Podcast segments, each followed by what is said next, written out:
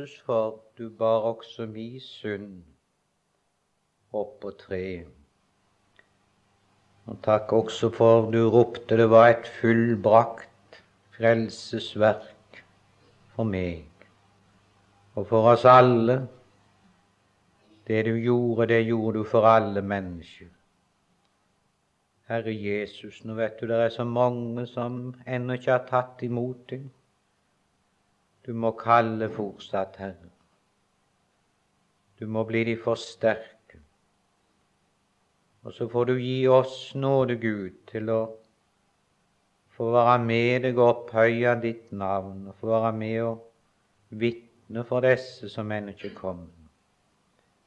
Så får du stå meg bi, Far i himmelen, med din kraft og din nåde, så min tanke og mitt sinn kunne få være stille i deg Opplat du ordets dør, og la oss få et samvær der du måtte bli store for oss.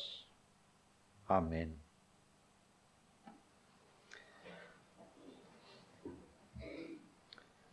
Jeg vil lese disse kjente versene i Romerbrevet 8, fra vers 32. Han som ikke sparte forlatte sin egen sønn, men gav ham for oss alle. Hvorledes skal han kunne annet enn gi oss alle ting med ham? Hvem vil anklage Guds utvalgte? Gud er den som rettferdiggjør. Hvem er den som fordømmer?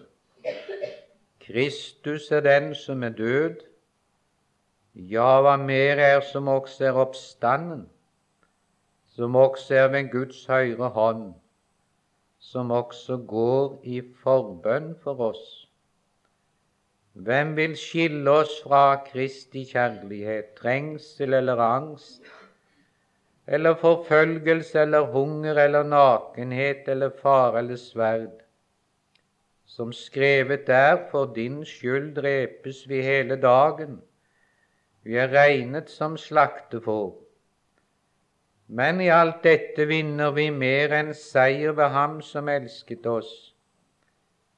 For jeg er viss på at verken død eller liv, verken engler eller krefter, verken det som nu er eller det som komme skal, eller noen makt, verken høyde eller dybde eller noen annen skapning, skal kunne skille oss fra Guds kjærlighet i Kristus Jesus, vår Herre.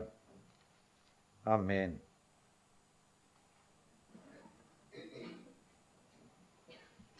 Han som ikke sparte sin egen sønn, men gav ham for oss alle, hvorledes skal han kunne annet enn å gi oss alle ting med ham. Vi hørte her til en åpning, og det var også sunget om dette kors. Når det gjaldt å frelse oss mennesker, så kunne Gud ikke gå utenom korset.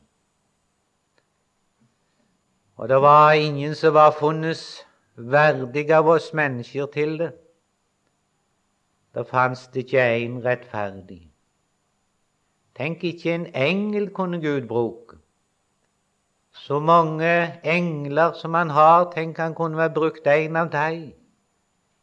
Nei, det var bare én som var funnet verdig til å kjøpe oss fri. Det var hans egen sønn Jesus. Og det var godt, å være som å synge en sang, det var godt, det, men det var én. Det var én som var villig å dø i vårt sted for at vi skulle leve ved ham.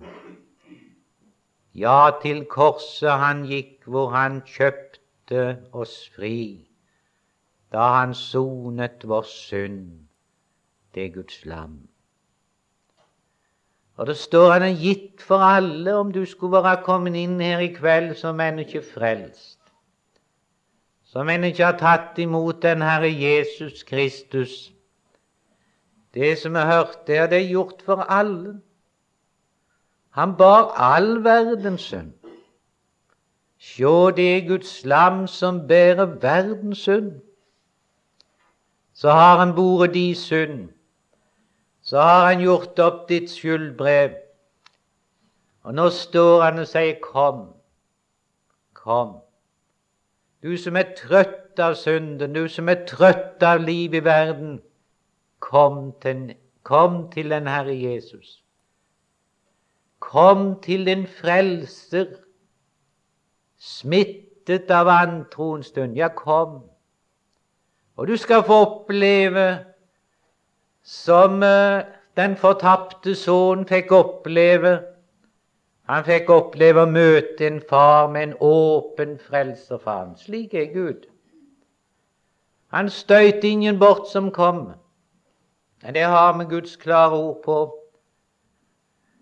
Alle de som Faderen gir meg, kommer til meg, og den som kommer til meg, vil jeg ingenlunde støte ut.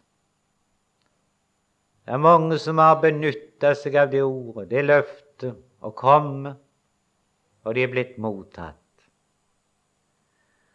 Og dette velsigner godt at for hver en som tar imot Han, der gir Han rett til å bli Guds barn. Så er det fullbrakt for oss alle. Og Nå kan ikke Gud annet enn gi oss alle ting i dette frelsesverk, i denne Jesus. Det er der du og jeg får retten å komme. Vi har ikke noe rett i oss sjøl i den forstand. Nei, vi har ingenting å komme med.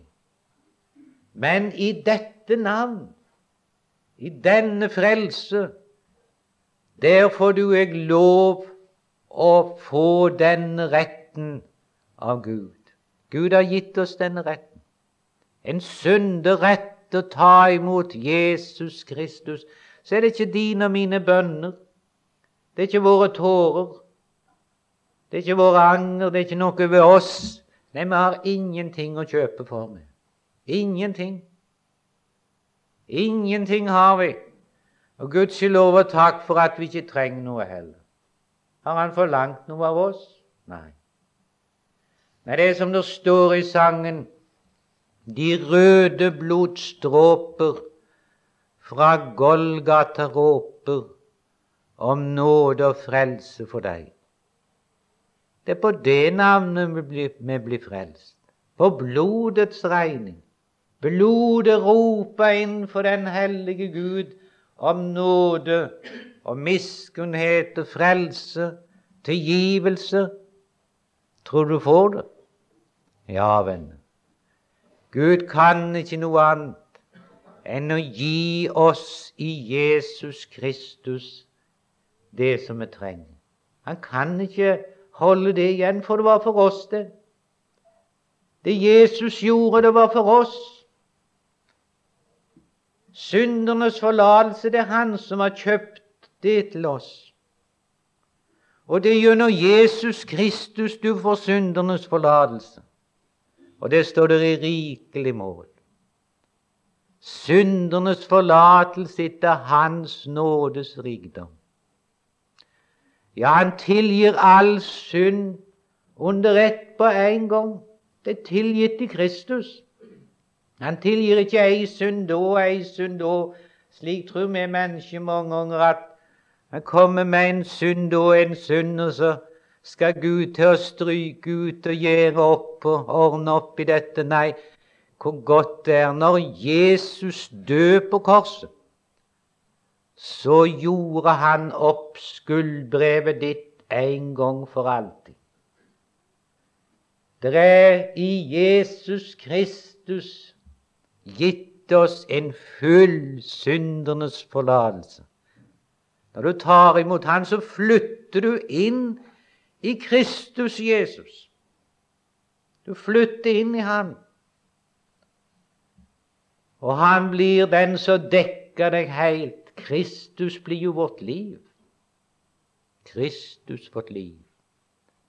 Det er stort dette å få komme og motta denne nåde, denne Dette å bli benåda Jeg har tenkt mye på det. Tenk på en forbryter som blir benåda, blir fri.